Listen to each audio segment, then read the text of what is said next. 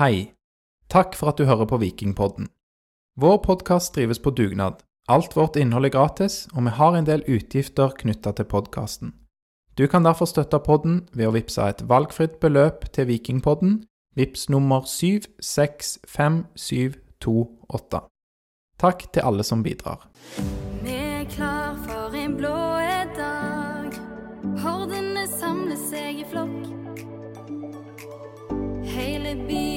på samme lag, kledd i mørkeblått. Vi er viking, hvite og blå, lager fest på stadion nå. Velkommen til episode 185 av Vikingpodden. En podkast som elsker når Viking vinner, og som elsker VAR. I alle fall når eh, avgjørelsene går i vårt favør. Eller hva syns dere, guttene mine? Guttene mine. Uh, nei, det er digg i dag. Ja, 100 uh, Du kan si hva du vil om VAR, men det har i hvert fall gått i Vikings favør i det siste. Så hvis vi først skal ha VAR, så er det jo dritnice at det brukes riktig. Ja, Vi skal snakke litt mer om eh, VAR. Det var en protest eh, i dag, eh, 6. august. Eh, Viking har jo da vunnet mot eh, Bodø-Glimt, og det er det vi skal snakke mest om. Og flere Alle kampene i Eliteserien hadde blitt, eh, vært VAR-markering i dag, etter hva jeg vet. Så det skal vi snakke litt mer om. Eh, ja. På, på Sandnes stadion hadde de varmarkering i 90 minutter, faktisk. eh, Så. Oi, du, det var raust av de da. Shots De- De hater virkelig VAR, de, for der er det tyst som i graven.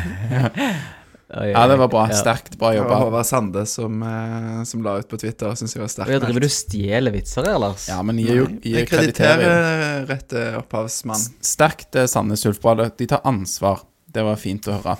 Vi skal da altså snakke mest om eh, seieren mot Bodø-Glimt i dag. Mål og bytter og børs, sånn som vi pleier i denne podkasten. Og så, ja, litt varprat.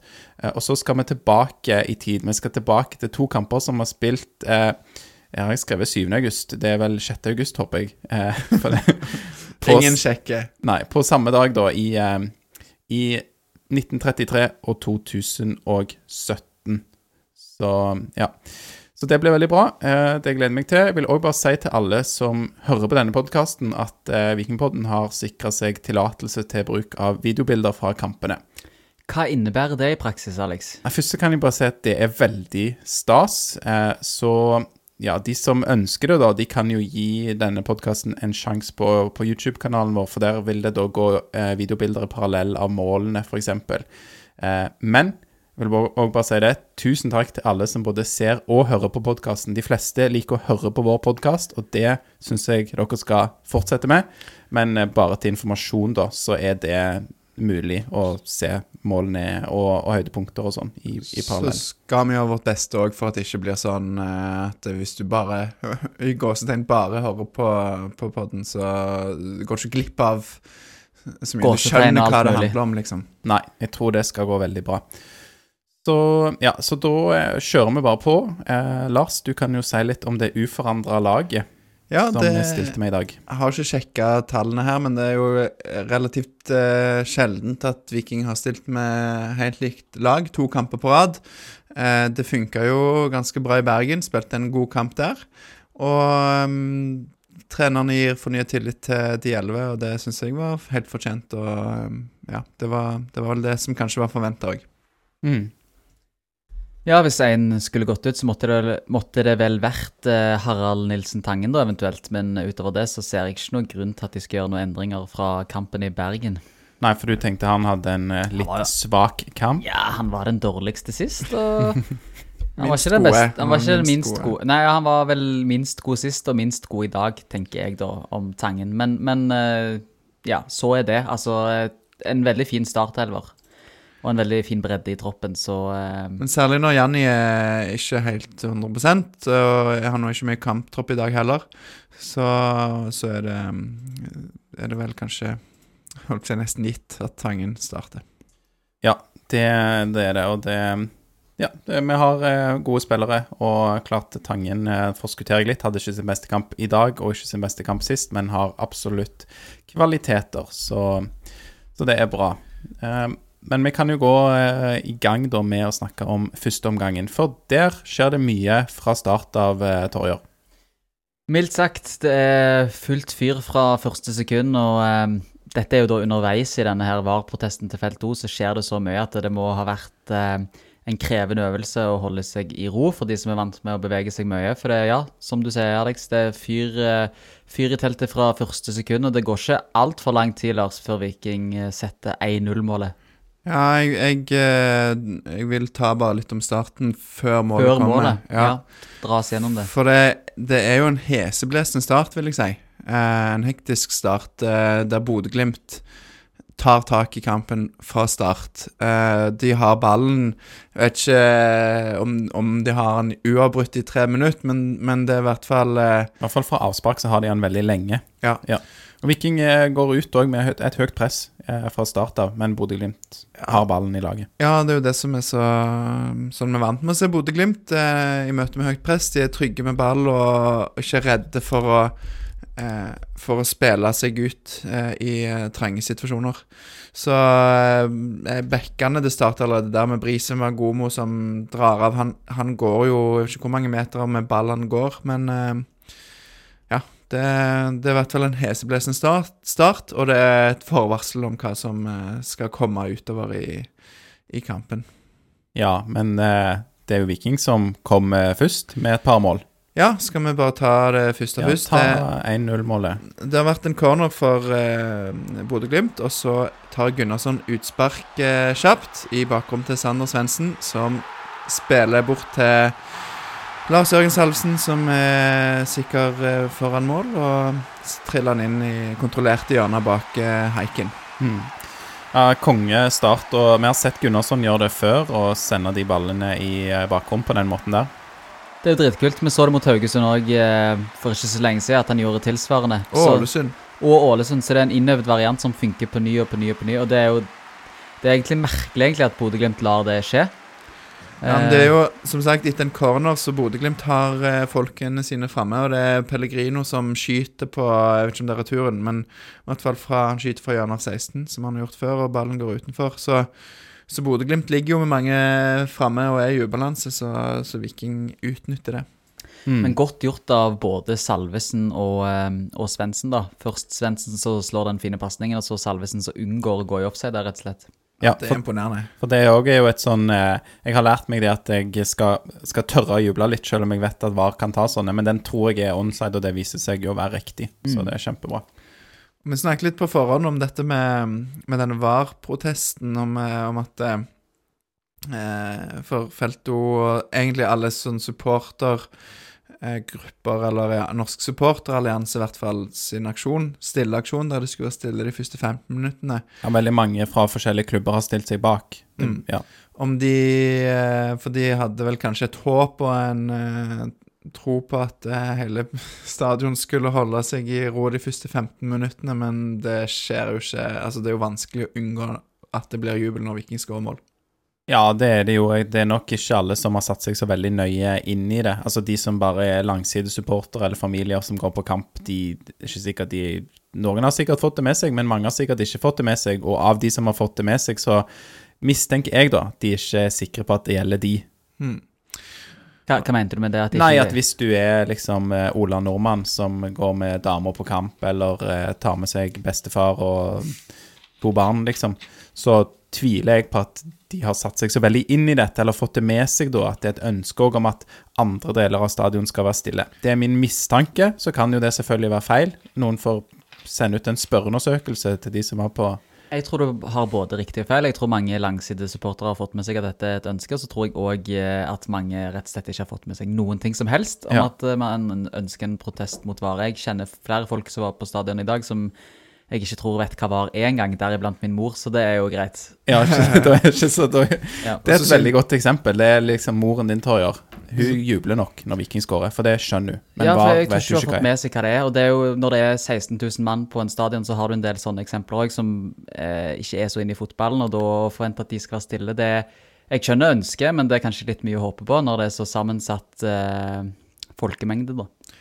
Og så sier jo, opplyser speaker Øyvind Jacobsen før kamp at det skal være en aksjon mot VAR fra felt O Men han sier ikke noe mer om Nei, det er det. omtrent det han sier. Ja. så um, ja, de som fikk med seg at det skulle være en aksjon, skjønner, visste kanskje ikke hva den skulle gå ut på. Og så vil jeg òg si at eh, Alexander sjøl, de som eh, har fått det med seg, kan være at det finnes delte meninger om, om VAR, så Ja, det er òg et poeng. Det er jo ikke alle som støtter disse aksjonene, sikkert. eh, Og som noen elsker kanskje var. Hvem vet?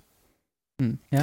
Vi skal Men- ikke røpe hva vi syns, i hvert fall. Nei, men vi kan jo Vi kommer kanskje litt tilbake Kanskje, til det, eller? kanskje vi skal røpe hva vi syns etter hvert. Ja. Men vi kan i hvert fall si at de som eh, hadde planlagt å ikke juble da, hvis det ble mål de første 15, de eh, får jo en ny test eh, på dette her eh, bare tre minutter seinere. Fordi Hva er det som eh, skjer da? Gunnarsson eh, Nei, unnskyld. Der er det Sander Sensen som triller ballen ut til Bjørsol. Inn til Solbakken.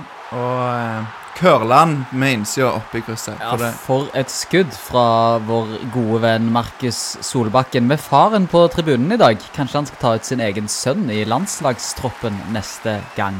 Ja, kanskje det spillet fortsetter som i dag, så, så er det mulig, det. Men, eh, men det er jo bare en eh, liten detalj i, i oppbyggingen her. For at eh, allerede noen minutter før dette så, så ser vi et eksempel på noe som går igjen i løpet av kampen. At uh, Jasbekk vinner ballen, og det er òg han som plukker ballen her når Bodø er på vei fram, og setter opp Sander Svendsen. Um, som igjen finner Bjørsol, og så eh, Ja. Mm. Men det er skikkelig drømmemål, og med disse, den italienske klubben eh, som jakter han på tribunen.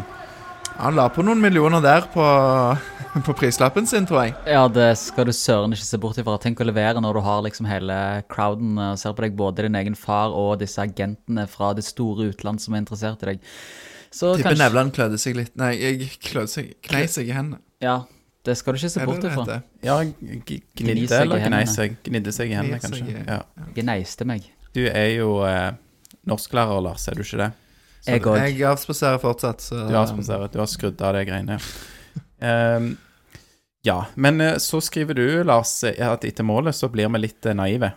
Ja, det er litt sånn En vil jo ikke legge seg bakpå og forsvare dette inn helt eh, altså ut fra det tiende minutt og ut kampen. Det, det blir for lenge å bare ligge bak.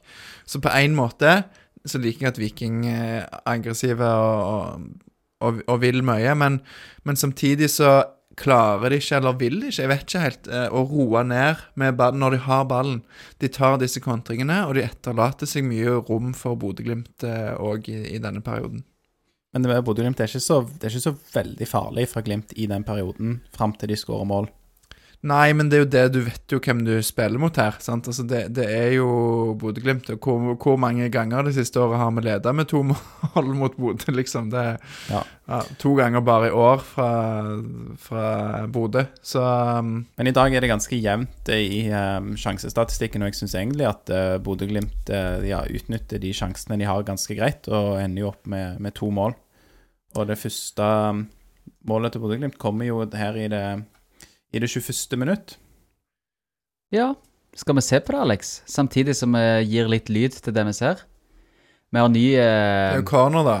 Ja, Så blir det klarert ut.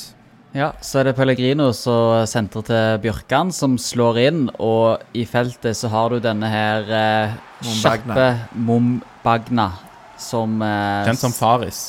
Kjent som Fares, litt lettere å uttale kanskje. Født i 2000. Eh, 1. juli 2000, 23 år gammel. Eh, setter den elegant eh, på tvers av Patrick Gunnarsson. Så det er jo et fint mål av eh, Bodø-Glimt, det må vi kunne erkjenne. Ehm, ja, en klarering ut fra, fra Salvesen først der, som eh, Pellegrino plukker opp. Det er jo sånn klassisk situasjon som er vanskelig å forsvare seg mot. Det er vel kanskje Jeg tror kanskje det er Berg som slår inn, Torjer, bare for um, Var det Patrick Berg? Ja, jeg Ja, jeg, det var så langt unna. Det er Patrick Berg, det er ikke Åsmund Bjørkan. Fint. I hvert fall ikke Åsmund. Fredrik sa jeg Åsmund begge ganger. Jeg mente Fredrik. Det er så mye fedre og sønner og sånn. Og det er ikke bare meg som blingser på det, Fordi det må jeg bare si. En liten digresjon. Jeg er veldig glad i Øyvind Jacobsen som speaker, men det var ikke Runar Berg som ble bytta ut i dag. Nei, det var, Det var. Patrick Berg som ble bytta ut. Ja, det, er det faren? Nei, hvordan er det greit? Onkel Eller eller far eller eller- noe annet. Ja. Litt usikker. Der er det jo Bjørsol som slipper mannen sin. Bjørsol får jo mye skrøyt her i poden, men eh, Og jeg trodde det faktisk var Patinama fram til jeg så reprisen når jeg kom tilbake her. Ja. Ehm, men det det der målet er et sånt mål som Hva skal jeg si Det er de målene du ikke må slippe inn mot Bodø-Glimt, tenker jeg. For de produserer egentlig I hvert fall i tidligere kamper så har de produsert veldig mye mot Viking og hatt litt sånn sjansebonanza til tider. Eh, I dag er ikke en sånn en kamp, så det er irriterende at vi slipper inn det her målet, syns jeg. Det, noen hadde jo jeg håpet kunne bryte den ballbanen. Ja, det er jo Altså, dette kommer jo òg etter at det har vært et par dueller på rad der Jasbekk har vunnet, eller ja, tatt ballen fra, fra Grønbekk, og det er en viktig duell i kampen. Og Grønbekk er jo en utrolig god spiller. Han har masse målpoeng, ligger som sammen med Pellegrino, tror jeg, på topp i, på NTB-børsen. Um, og jeg sa det til deg før kamp, Alexander, at han, er- han er god. Mm. Ja, og jeg, eh, det jeg har sett av Albert Grønbekk på Bodø-Glimt, så syns jeg han har skåret en del sånne deflection-mål og sånne ting. Eh, men ja, nå skal vi se. I dag så skåret han bare et fint mål, dessverre, da, mot, eh, mot Viking. Men, Altså, men det- ja, før, før vi går til målet, tenkte jeg bare. Ja. Ja, for jeg òg har noe før vi går til målet. Ja. Um, Kanskje dere tenker på samme tingen. Hvem vet? det får vi jo se. Jeg ville bare sett det Selv om Altså, det er litt det er en del sjanser og sånn, og, og vi kommer ikke til å ta så mye på det nå, men, men det skjer mye hele veien i denne kampen. Jeg sitter ved siden av, eh, av Eirik Aase, som har vært gjest her i poden. Han driver jo og skriver sånn live-oppdateringer for NT, NTB. Og han, han jobba godt i dag, og han sa det at det, det skjer noe hele veien. Og så, sant, så, så å holde folk oppdatert på, på det som skjer, selv om det ikke er liksom de aller største sjansene hele veien. Det, det, det, den omgangen fløy av gårde. Helt ekstremt. Det sa jeg også til deg, Alex, eh, i 44. minutt, at dette gikk unna. Ja. En ekstrem eh, intensiv, eh, ekstremt intensiv omgang. Men hva var det du skulle si i sted, Alex? Du sa du ville si noe som du tenkte på før dette 2-2-målet til Bodø-Glimt. Ja, eh, Bodø-Glimt skårer jo 2-1 i det 21. minutt, og så, eh, så er det jo, som du er inne på, Lars, det er en del som skjer. Og det jeg bare har markert meg her i det 30. minutt, så er det den, den situasjonen som de som så kampen, nok vil huske godt, når eh, Wembangomo, som har egentlig en god kamp for Bodø-Glimt, litt eh, dårlig kommunikasjon med egen keeper, eh, og prøver å heade tilbake til egen keeper, eh, og heade til corner, men men den sniker seg jo rett på utsiden av stolpen til egen keeper. Så hadde den eh, gått på innsiden av stolpen, så hadde det jo blitt eh, et veldig fint selvmål. Så, Det er en god iPhone-lengde mellom ballen og målet der. Altså, det er sykt nærme at det blir Ja, selvmål. det er det. Selvmål. Virkelig. Det er jo òg eh, her mellom disse to målene, da, at, eh, at eh, Diop får sin første anledning eh, rett foran keeper. Det var riktignok offside, men, men det var en god heading og en god redning. Mm. Så en liten forvarsel på hva som kunne komme senere. Så er det jo òg da på, på Før målet at Slatko får dette gule kortet, som jeg bare tenkte vi kunne ta bitte litt tak i. Fordi eh, det er i hvert fall noe som hele stadion da er sterkt eh, Reagerer sterkt på. Dette gule kortet ser ut som en eh, veldig clean takling. Han får ballen fra Nilsen Tangen, og så er det litt sånn fighting med, med Bredemo. Og så setter han inn noe som ser ut som en helt sånn fin blokkerende takling for meg. Eh, Men, sånn for føttene foran ballen, eh, på en måte. Ballen er mellom Tripic og spilleren. Ja, jeg, jeg syns det ser ut som en, eh, en, en helt fin uh, takling. Jeg vet ikke, det er ikke farlig spill eller noen ting. Overhodet ikke. Han er på ball med begge beina, og uh, merkelig at uh, nevnte Wembangomo får frispark der. Og så må det være lov for Slatko å reagere på den måten han gjør, uten å få gult kort. Ja, for får han eh, gult kort for reaksjonen der, eller for taklingen? Nei, jeg regner med det for reaksjonen. Det var sånn jeg Ja, tolka det på stadion. Han, han driver jo og gestikulerer voldsomt. Ikke til dommeren Nei, ikke heller. til dommeren. Det er Nei. det som er poenget. Det å ha litt intensitet og øh, den vinnerviljen som Slatko har, det er jo krydder for norsk fotball, så det bør heller applauderes istedenfor å sanksjoneres. Jeg regner med det var det han fikk gult kort for. Jeg kan ikke skjønne at det var for taklingen. Nei, altså den Jeg vet ikke, den taklingen går jo inn litt sånn der eh, Det, det er jo litt risky. Det er jo litt sånn vi er vant med å se Slatko òg. Han hiver seg inn, og det er to bein, og det er Det er ikke knottene først. Nei, men han, eh, han treffer han vel litt med knottene, men, men han tar jo ballen òg. sånn Jeg ville ikke reagert Altså, jeg, jeg tenkte òg at her er det ikke frispark. Men det virker jo òg som om han Når dommeren bestemmer seg for å gi gult kort, er når dommeren tar tak i armen til Slatko Tripic, og han eh, Ja, for jeg Tripic prøvde å river se seg litt i løs. reprise, og det, det kommer ikke så veldig godt fram av reprisebildene, men, men dommeren tar fysisk på Tripic og vil ha oppmerksomheten hans. Og jeg vet jo det er ganske strengt at spillere skal ikke ta på dommeren. Og, og her liksom så går eh, dommeren bak Tripic og så tar tak i armen hans, eller noe. Jeg syns det er litt merkelig. jeg. Det hørtes ikke bra ut. Han ville sikkert gi en tilsnakk, og så um, Jeg vil vil- ikke, er ikke s- Tripic er jo sur for at det ble frispark, for her, dette er jo oppe på Altså det er jo oppe med 16 meter, så det kunne blitt en stor sjanse for Viking. Eh, så Ja, nei, det, det er litt merkelig, det som eh, Det er som eh, når du eh, Nå er jeg spent. Ja, jeg prøver å komme på et eksempel som f folk kan kjenne seg igjen i. Men når det er sånn du, du gjør noe sånn, gjør noe, sånn Nei, du får i hvert fall ikke det. Så jo, da skal jeg i hvert fall det. Sånn Jeg følger deg ikke helt på den. eh, Du, er det det gule kortet du snakker om, eller du får i hvert fall ikke frispark, eller du får Nei, ikke gult sånn kort? Nei. at um, dommeren skal si 'Nå skal jeg snakke med deg', Ja. Og så er ikke Slatko Tripic interessert. 'Å nei, da skal jeg få Da får du gullkort for du ikke vil høre på hva jeg sier'. Ja, det er jo det. Han det er veldig sånn skal statu statuere et eksempel, virker det som, dommer. Så litt, Nå snakker vi mye om en sånn gult kort-situasjon, men det var i hvert fall noe som eh, satte litt sånn sinne i kok hos flere på stadion, da. Så ja. Ikke at det blir avgjørende for denne kampen, men karantene på Tripic. Mm. Ja, det er Så det får jo absolutt konsekvens. Det, det kan det fort få. Vi får se nå hvordan det går i, i neste kamp eh, borte mot Lillestrøm. Så det er jo Eh, kjedelig å få det i første omgang når du er Slatko Tripic som spiller ja, litt, litt tøft, kan vi vel innrømme. Ja, det, det gjør han av og til. Eh, det går jo bare tre minutter da før, eller etter dette gule kortet, til Bodø-Glimt utligner, Torjer. Ja, det stemmer. Denne gangen så er det Fredrik Bjørkan som kaster inn til vår gode Til Albert Grønbæk som går og går og går og går. Og eh, legger han elegant i lengste hjørne. Det er jo Ja.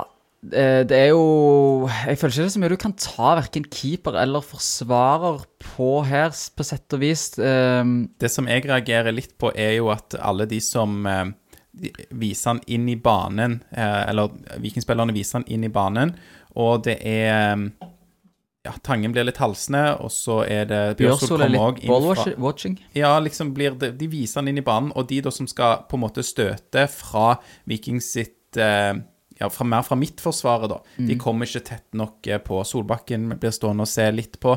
Eh, så man trenger at eh, noen støter òg fra innsiden. Men klart, de vil ikke bli overspilt, ikke sant. Hvis, eh, hvis han trekker på seg mer enn det han allerede gjør Herr Grønbekk han har jo trukket på seg tre mann, eller noe sånt, så åpner det kanskje andre rom. Så litt, litt uheldig, men litt dårlig òg at de alle er på eh, eh, Hva skal jeg si Kommer fra Viking sin høyre side da, for å prøve å forsvare, og da viser de han jo innsiden, og da er det lettere for han å skyte. Eh, Det er jo òg fra kast, sant, så, så Bodø-Glimt har jo flytta opp mye mann, og de ligger Viking ligger veldig lavt, så det er mye, mye folk. Og det er jo her Grønbekk er så utrolig god på, på små flater, og, og han danser seg jo gjennom, som du, du er inne på. Og så savner jeg bare litt eh, at at en kanskje utenfor boksen bare trør litt til. Eh, og inni boksen savner jeg en sånn eh, Jasbekk-blokkering. Mm. Eller har- Diop-blokkering, for den saks skyld. Ja, og vi så jo det at Diop prøver jo å blokkere dette skuddet, men han er for langt vekke, da. Så ja, det- han har ja. jo noen å passe på, tror jeg, eller nå husker jeg ikke, men det er jo det som er et, angrep med, med etablert angrep for Bodø, så Og da eh, ebber jo da dette ut, eh, denne kampen. Eh, Bjørsol har et skudd eh, med, med feil fot eh, ja, et par-tre minutter etterpå, noe som blir avblåst for offside uansett, og så, så blir det pause. Apropos offside. Ja, dommer eh, Ja, det, det er et fint eh, klipp på, som sirkulerer på Twitter, så sier jeg det fra Jeg tror det er fra første omgang. Salvesen blir eh, Men i hvert fall det vi tror er at Salvesen blir avblåst for offside inni 16-meter, og han også det ligger en Bodø-Glimt-spiller tre meter inn forbi han, så Ja. Det ser veldig rart ut. Ehm, Ja, men det var eh, en sånn tungt flagg-situasjon, så det fikk ikke noe konsekvens, eller hvordan var det?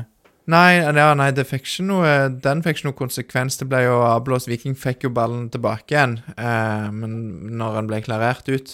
Men, eh, men da blåste han. Og så tror jeg kanskje Jeg diskuterte det litt med Eirik, i hvert fall, eh, ved siden av meg, at det, det må nok ha vært på Slatko i situasjonen før. Men så sier dommer at frispark skal tas inn i 16-meter der Salvesen var, så det var litt rart. Da så det ut som han bare rett og slett tok en eh, Reginiussen, for de som eh, tar den referansen. Bomma på hva som er innenfor og utenfor 16-meteren, eller bomme med tre meter på ting? Ja. ja. På, ja, har ikke helt kontroll på hvor linjene og sånn er. Det er ikke så lett. Reginiussen som eh, hensa på 19 meter en gang eh, mot eh, Når han spilte for Rosenborg på SR Bank Arena, og Viking får jo straffe. For han henser på 19 meter. Det kan ikke være innenfor 16-meteren, men, men sånn Dette var i 2020. Ja, du husker det godt, Torjer? Ja, vi var 200 mann på stadion, og Viking vant 3-0 over Rosenborg. Og jeg glemmer aldri den seansen der. Um, husker ikke hvem som dømte oss, da. Nei. Men det kan jo være det var Ola Hobber Nei, det eh, tror jeg ikke. Tror du ikke det var det? Nei. Men um, ja. Det, det er bare i hvert fall ut av førsteomgangen for å prøve å gli over i andre omgang Ja. og komme oss videre fra 2020 tilbake i 2023. Ja. Um, Andreomgangen er litt sånn, litt sånn halvsjanser til begge lag, eller er det riktig oppsummert? Ja, det begynner jo med Det begynner jo for så vidt Viking kommer greit ut fra startblokkene i andre omgang. Sånn helt innledningsvis fram til 50. minutt så har jo Viking noen, eh, noen halvsjanser. eh, og så etter det, da, så Ja, Ja, det er Bjørsol som, eh, som blant annet har et, eh, en grei mulighet der etter 47 minutter. Um, Ja, den er, det, det er dårlig av Bjørsol å ikke gjøre det bedre der. Altså, han får et, eh, nå avbryter jeg deg, Lars. Beklager, men jeg bare fullfører rett og slett. Han, han ble jo spilt gjennom for alltid i verden, men får et ja, et typisk litt sånn back-første touch. Han får ikke ballen langt nok foran seg og blir veldig sånn stillestående i den skal avslutte. Og prøver, og prøver å blaste han i nærmeste hjørne. Mm. Skyter 56 cm for høyt. Yes. Altså han skyter over, ovenfor målet, Ja, kanskje enda litt mer, men jeg, Kanskje én meter. ja. Men her er jo, i denne fasen så syns jeg Tangen eh, er god. Han er i det, i det oppbyggende spillet. Han, blant annet er det han som setter opp eh, Bjørshol der, i, fra det ene hjørnet av 16 til, til det andre. ja, han går liksom på tvers. Han, ja. ja. Så han er, han er frisk og offensiv og, og tar for seg der i særlig starten på andre omgang. Men så er det Glimt som har initiativet i en, ja, fra sånn 50 til det 60. minutt. Men så er det jo Viking som har en av de største sjansene i hele kampen, eh, med eh, Jibril Diop i det 61. minutt. Litt eh, etter en corner, er det det? Nei, det er kast. Det er kast, Ja, en, en skikkelig eh, fin variant der. Eh, jeg sa Visste ikke at Sondre Bjørsol kunne kaste langt. Det Nei, kunne han jo ikke Det visste ikke Nei, for De, stiller opp, Viking stiller opp eh, i det 60. eller 61. minutt som om Spjørsol skal kastes kjempelangt inn i feltet. Mm. Ikke bare da, flere ganger i kampen gjorde de det. Ja. Og skulle hatt Steintor Torsteinsson, for de som husker han. Han ja, og Herman. Haugen kan jo kaste ganske langt Ja, han òg. kaster langt, han òg. Ja.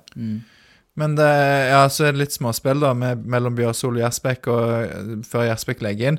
Og Brekalo vinner første duell, og så spretter han over foten til en Bodø-Glimt-forsvarer, og plutselig tror jeg Diop blir litt overraska sjøl. Han står helt alene på sånn fem meter eller noe. Og um, det er jo ikke Altså, det er ikke et veldig dårlig skudd. Han skyter jo lavt.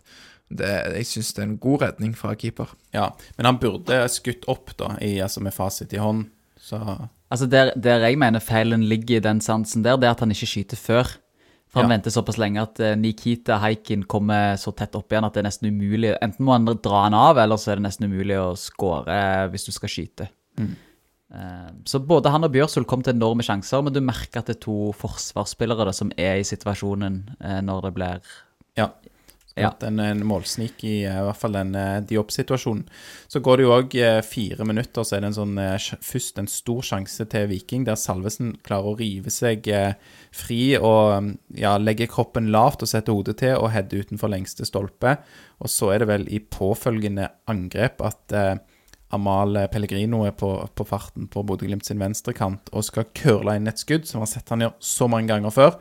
Eh, Men heldigvis så er Gunnarsson Han har sikkert sett noen TV-bilder og vet at Pellegrino liker å gjøre det, for han strekker seg så langt som han er og får slått denne ballen eh, ut. Ja, det er en god eh, redning. Og så vil jeg òg smyge inn, selv om jeg ikke Vi må ikke snakke for mye om dommer, men eh, det var en corner der eh, Salvesen blir sparka ned. Mm.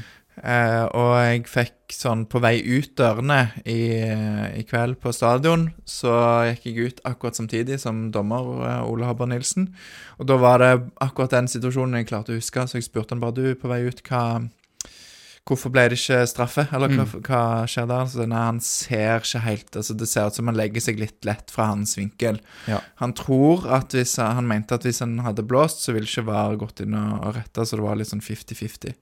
Ja. Um, ser ut for meg som et solklart straffespark. Ja, Um, det var jo på en måte synd, men um, ja, vi ender jo Betydde ikke så mye. Nei, vi ender opp med å vinne denne kampen, så da uh, får vi være uh, fornøyd. Um, ja. Men er det er veldig åpenbart hva Pellegrino skal gjøre, da. En fantastisk redning av Patrick Gunnarsson, som Ja. var enorm i dag i Han mange hadde en ny rett etterpå òg. Ja, ja, rett etterpå så hadde han òg en syk redning, men uh, det er ikke noe tvil om hva Pellegrino gjør i de situasjonene. Det er alltid curling i lengste hjørne. Mm. Men det funker jo, da. Men uh, Ikke i dag, Ikke i dag. åpenbart. Gunnarsson, han er, er forberedt. Ehm, ja. Så ja, vi kan jo gå videre. Jeg, eh, neste jeg har notert meg her, er målet som kommer i det 74.-75. minutt. Oi, oi, oi. Stemmer det. Det er um, Berg er redd for å la eh, Solbakken slippe til en, eh, et nytt skudd utenfor 16, etter at eh, det, Jeg lurer på om Solbakken bryter og tar ballen fra Berg. Ja, Er det, det? er litt sånn eh, klabb og babb, og det, jeg lurer på om det er to Bodø-Glimt-spillere mot Solbakken, og han kommer seirende ut av duellen, eller noe sånt. Ja. Ja. Så får han i hvert fall eh, Solbakken blir tatt, og Berg får et fortjent gult kort. Og det er jo eh, Ja, det er jo drømmehold for eh, Slatko Tripic. Ja, det er det. det Vi snakka jo litt om det, at eh, Slatko, han eh, Han juksa litt på retur Nei, på det offensive presset og sånn, men han sparer jo krefter, og så gjør han det som han skal gjøre på dette frisparket, og det er å sette han. For Det er veldig løye at du sier det, Alex. For det er rett før dette frisparket så sier Alex til meg, når vi sitter på tribunen, at eh, hva- vi må ta Slatko. Det funker ikke når Salvesen og jeg lurer på om Dagostin hadde kommet innpå. Jeg er litt usikker på hvem som spilte på høyre kant offensivt. jeg tror Svendsen ender på banen på det tidspunktet, ja. Svendsen og Salvesen går i høyt press, og, eh, og Slatko jukser det offensive presset. Han prøver å disponere kreftene, sier du. Mm. Så, så jeg skjønner hvorfor han gjør det, men det funker ikke. Eh, når de to andre er så disiplinerte og Slatko ikke følger etter. Eh, men han prøver å dis eh, disponere kreftene, og kanskje det vil lønne seg nå, sier du. Og så går det sånn ti sekunder, og så tar Slatko eh, frisparket. Um, og jeg var så dust at jeg drev og tok bilder av hele sansen, så jeg så ikke at ballen gikk i mål før plutselig du slår meg i sida bare Jøss, Viking har skåret! Ikke sant? Du har ikke troen når han skal ta frispark, eller? Jo, jeg har troen. Jeg har så, det er derfor jeg prøvde å få alt på, bild, på bilder. da, Så det kan være det kommer noe på sosiale medier. Eh, Jeg tok faktisk eh, bilder av alle målfeiringene i dag, så jeg tror det kan bli en en del kule bilder ut av det. Ja, nice da. Men frisparket da, Lars, hva syns du? Nei, det er jo veldig bra. Altså, curler det over muren og plassert eh, langt inn til stolpen. Så det Rekalo dukker der. Han står foran muren og dukker. Ja, de plasserer jo noen spillere foran muren. Vel både Brekalo de opp er vel der. Så um, de eh, Er det for å hindre sikt? Er vel det, men det Eller jeg vet ikke. Ja, det er jo Ja, det, kanskje hvis muren hopper, sant, så tar de det, så kanskje det har noe, noe effekt. Hindrer sikt. Ja. Men jeg vet ikke. Men det er i hvert fall eh, du, må være, du må være en god keeper for å redde det, for det, det er limt inntil stanga. Så Veldig bra, kjempebra av eh, Solbakken der som vi snakka om i forkant, som vinner dette frisparket. Han har jo mål og Solbakken, og jeg syns han og eh, Jasbekk eh, de vinner midtbanekrigen i dag i eh, stor grad, og det var noe vi savna litt, eh, syns jeg, da, borte mot Brann. Brann eh, for ei uke siden lyktes i mye større grad med å, med ta ut midtbanen til, til Viking, og i dag så er de rågode, de Jaspek og Solbakken spesielt. Tangen litt mer middelmådig kampen, noen dårlige perioder. han har en litt annen rolle, da, enn han, de to. Han har en annen rolle, og i dag så er det ikke, løser han ikke den på beste måte. Vi har sett han bedre før Tangen. Men Solbakken og Jasbekk i dag hadde noe veldig fint eh, samspill. Egentlig noe spennende på gang, så synd hvis eh, Solbakken drar. Men, det, men Jasbekk snakker òg litt om hvordan midtbanen fungerer i intervjuet du gjorde med de, Lars, og bare pitcha det litt. Det ligger på Instagram og Twitter og, og YouTube. ja, det var Det var kjekt å være nede i, i mixed zone i dag. Det var høy stemning, uh, høy stemning der, så kan det, være at det merkes på intervjuet òg. det, Det er jo pika, det er jo ikke rart, da. Altså, Øyvind Jacobsen sa jo det etter kampslutt i dag. Eh, Ok, bare eh, følg med på hva jeg sier nå, for jeg håper ikke dette at jeg driver med vranglere her. Men jeg mener jeg hørte at han sa at dette ikke hadde skjedd i historien før at Viking hadde vunnet åtte kamper på rad i, på øverste nivå i norsk fotball. Nei, det var vel det, ja. Ja, var det ikke det? Nå Jo, jeg tror det var det. Ja. Og jeg så en tweet fra Vikingstatistikk òg som kan eh, bekrefte det, at det er første gang Viking vinner åtte kamper på rad. Det var Vikingpodden som skulle til, altså. Hva har vi en rolle i dette, mener du? det er jo etter vi begynte å lage podkast at dette virkelig begynte å gå veien for Viking, ikke sant? Ja, det Det har nok eh, direkte sammenheng. Jeg tror Morten og Bjarte hører på oss. Er ikke du sånn eh, Du er jo på universitet, er det ikke noe sånn eh, Jeg går på høyskole, jeg. Du går på høyskole, ja, så da er det ikke For dette de snakker mye om sånn causation correlation, er det ikke det det på engelsk? Altså, ja, uansett. Det at vi driver en podkast og vikinger er gode, Mm. kan ha noe med hverandre å gjøre, men mest sannsynlig så skjer det bare i parallell. Men uansett, ja, nå begynner jeg å, å nerde her. Det er jo litt fotballsupporter-greier. Det er jeg, jeg snakket jo med Erik Bjørn også etterpå, blant annet, om vi får lov å snakke om, eh, om gullstrid og sånn. Eh, og så spurte jeg om han skulle til Lillestrøm, og sa han ja, nå har jeg jo en god streak, så jeg må jo det.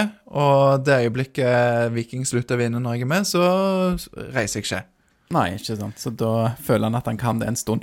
Og det er jo veldig spennende oppi toppen, eh, og jeg, jeg tenker folk har lov til å drømme om, om gull, men vil bare òg minne på at det har blitt veldig tett, det at Bodø-Glimt har avgitt en del poeng. Eh, Viking har jo vunnet åtte på rad, selvfølgelig veldig bra, men for mange lag henger ennå med. Så- Absolutt, og det er sikkert noen som hører på podkasten som ikke er så gode å se på tabellen, så jeg kan jo bare ta det. Molde har fire poeng færre enn oss, og Tromsø har kun to poeng eh, mindre enn Viking, så eh, Hvor mange kamper har de spilt i forskjellige akkurat like mange. Ja, så Glimt har én kamp mer med tre poeng foran Viking. Ja, Ja. Så det er tett som hagl. Viking skal møte Tromsø hjemme og, og Molde borte etter hvert, så Ja, den Molde borte blir nok flytta, da. Ja, men den skal fortsatt spilles i Molde. Ja. Du er enig i at vi skal møte Molde borte, Lars? Ja, men den står fortsatt satt opp i august. Ja, sånn, ja. Men ja. den kommer nok eh, mest sannsynlig til å bli flytta til oktober-ish. ja så, Eller gikk- slutten av september. Hvordan gikk det forrige gang når Viking spilte i Molde, da? det mm, Ja, det er de to Nei, ikke de to siste oppgjørene, men det har vært to av de tre siste oppgjørene mot Molde har endt 4-3 og ett rødt kort, er det ikke sånn? Jo. Jo, Så alt mm, du husker. det, det husker jeg eh, godt, og i fjor med positivt fortegn for Viking som vant på Aker stadion. Så ja. Men for å ta resten av denne kampen da her, som vi egentlig snakker om eh, Viking sin seier mot eh, Bodø-Glimt. Eh, etter Viking skårer 3-2-målet, så er det litt, eh, litt sjanser begge veier. Eh, en, Nick D'Agostino har en fin heading som, som dømmes offside. Eh, og så bare minuttet etterpå det, i det 81. minutt, så er jo Grønbæk alene gjennom å skyte rett på keeper. Det er en svær eh, mulighet. Enkel redning. Ja, det blir en enkel redning. Litt Mm. dårlig avslutning. Jeg syns jo òg at eh, Bjørsol eh, Bjørsol har en god periode med bl.a. Eh, gode klareringer på hodet, men òg sånn altså takle og, og stoppe både pasninger og, og skudd. Eh, og er viktig defensivt før han da går helt tom eh, til slutt. Ja, han er veldig tom òg, og ja, lager noe frispark og greier. Og, Ja, ja, det var et billig frispark òg i det ene der, men, um... du merker at han har løpt seg litt tom, og Bodø-Glimt har et, et visst kjør, kan vi si det? Ja, jeg snakket med Når jeg snakket med Morten Jensen, så sier han jeg syns, syns han ser det greit. De har, eh, Viking har egentlig ganske grei kontroll på det som skjer fram til de siste seks-syv minuttene. Mm. Eh, og da, begynner, da kommer det et kjør da fra, fra Bodø-Glimt, og det er vanskelig å forsvare seg mot. Det, av en eller annen grunn så er det alltid sånn det blir når han Eller ikke alltid, da. Men når han leder med, mot gode lag, og det er liksom tett, så så blir det et sånn steikende kjør mot, eh, mot mål. Ja, det er akkurat som de Du er inne på det med de gode lagene, Lars, at det er sjelden du ser at de bare at Det blir kontrollert ut, liksom. Ja, kontrollert ut av kampen. Det skjer ytterst sjelden. Det skjer jo òg dessverre litt for ofte at gode lag, nei, unnskyld, at dårlige lag setter inn en sluttspurt mot Viking, og at det kan bli litt spennende. Men man har sett det fra Viking noen kamper, at de bare har drept en kamp, og så blir det ikke spennende. Eh, men Bodø-Glimt evner jo da å, å produsere litt, og vi kan jo ta en titt på det som mange trodde var utligningen til eh, Ja.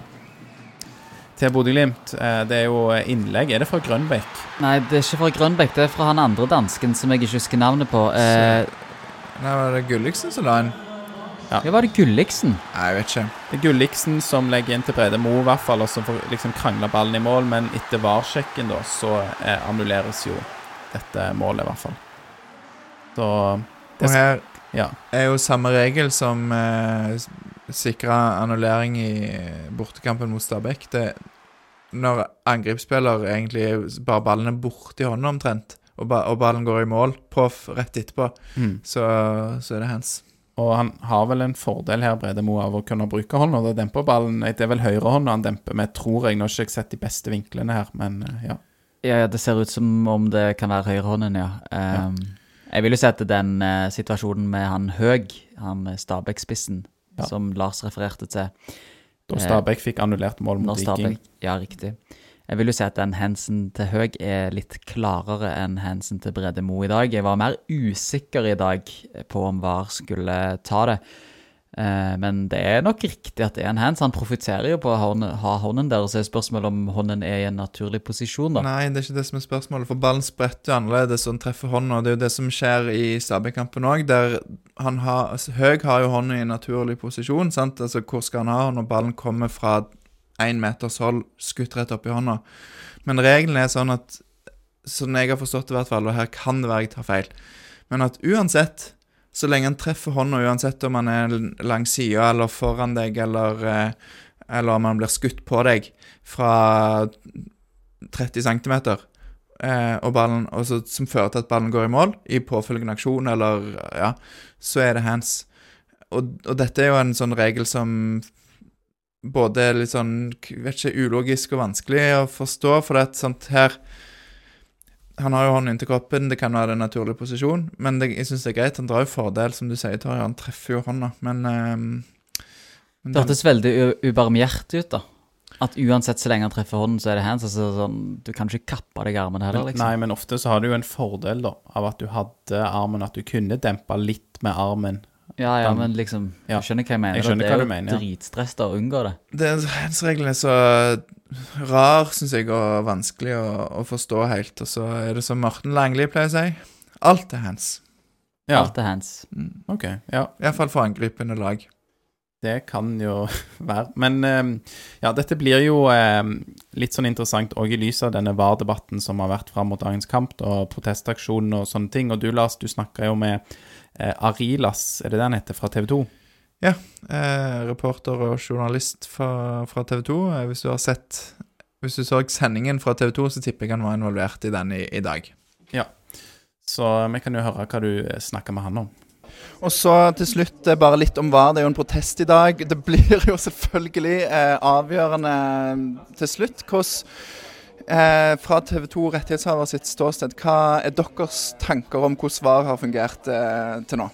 Jeg kommer ikke til å snakke på vegne av TV 2 om hvordan VAR fungerer. Det, Ok, La oss få dine personlige meninger, da.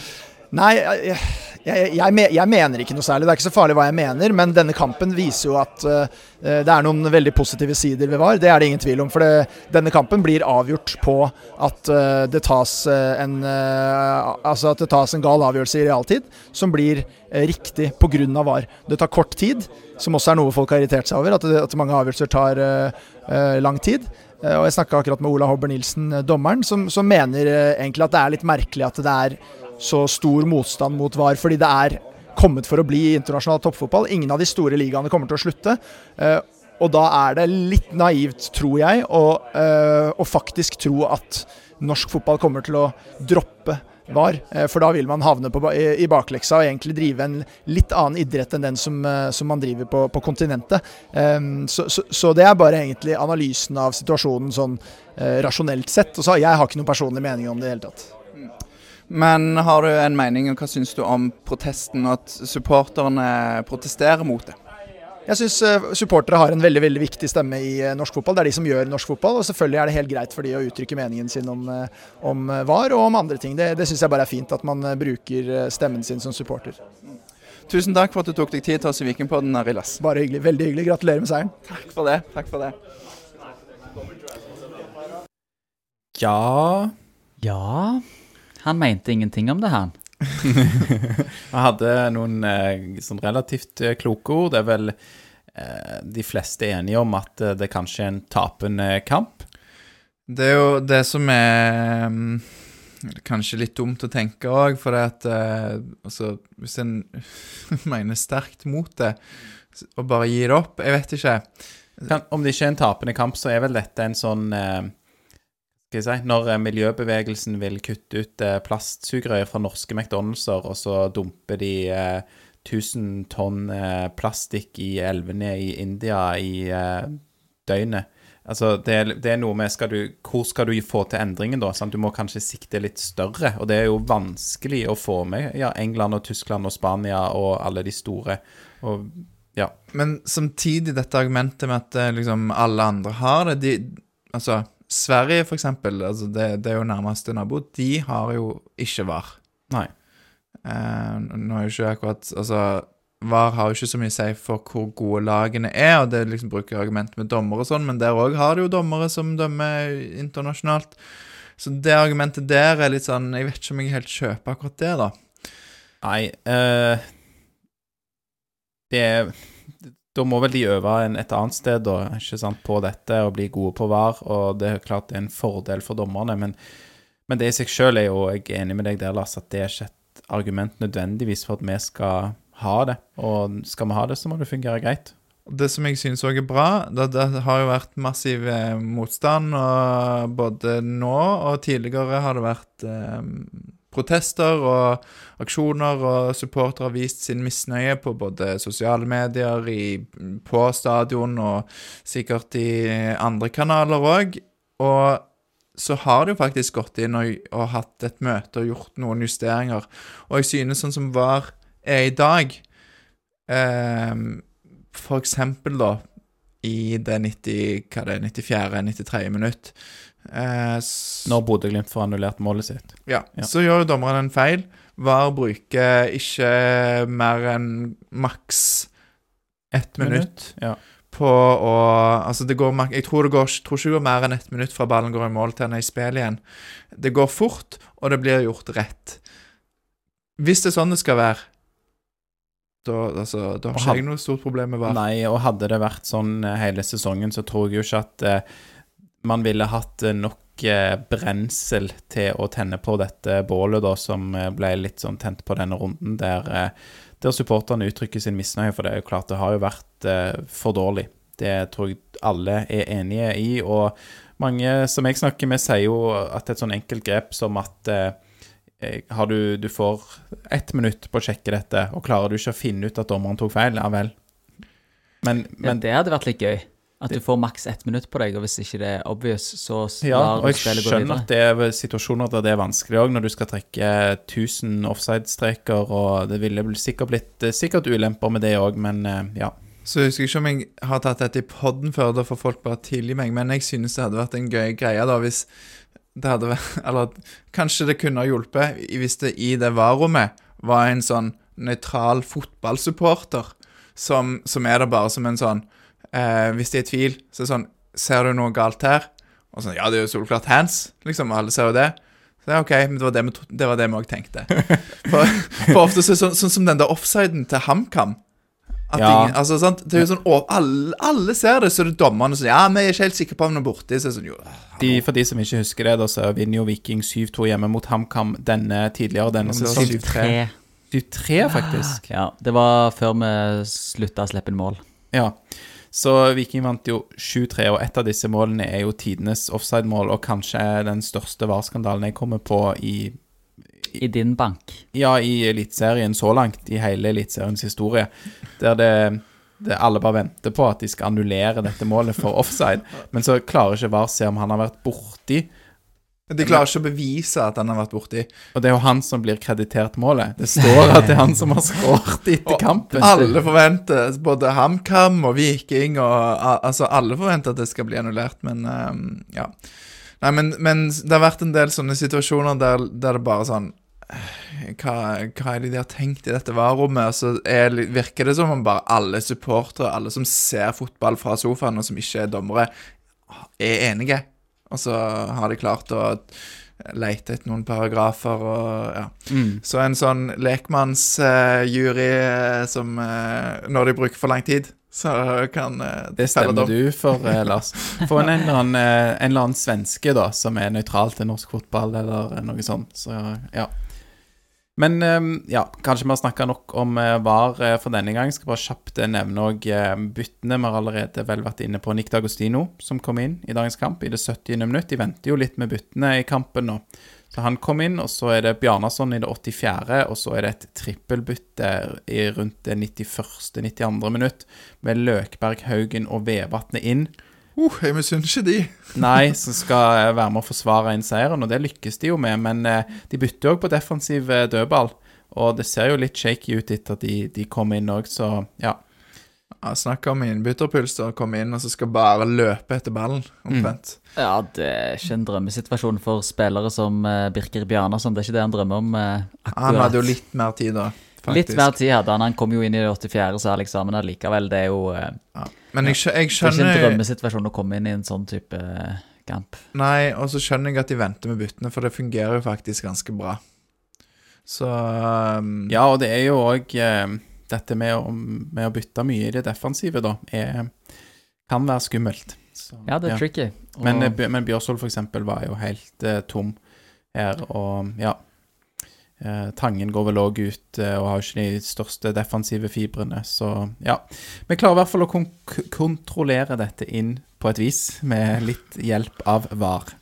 Og her er det jo òg en sånn ting kan, eh, Du sa vi er ferdig var, men jeg vil bare ta en liten ting til. For det, det er sånn jeg ser på Twitter etterpå, altså folk nøytrale, da, som, eller som heier på andre lag, som er aktive, stående, syngende supportere, som er ute og slakter Viking-fans for at de ikke tar For at de, for at de eh, ikke Altså for at de forvarer fordi at de jubler.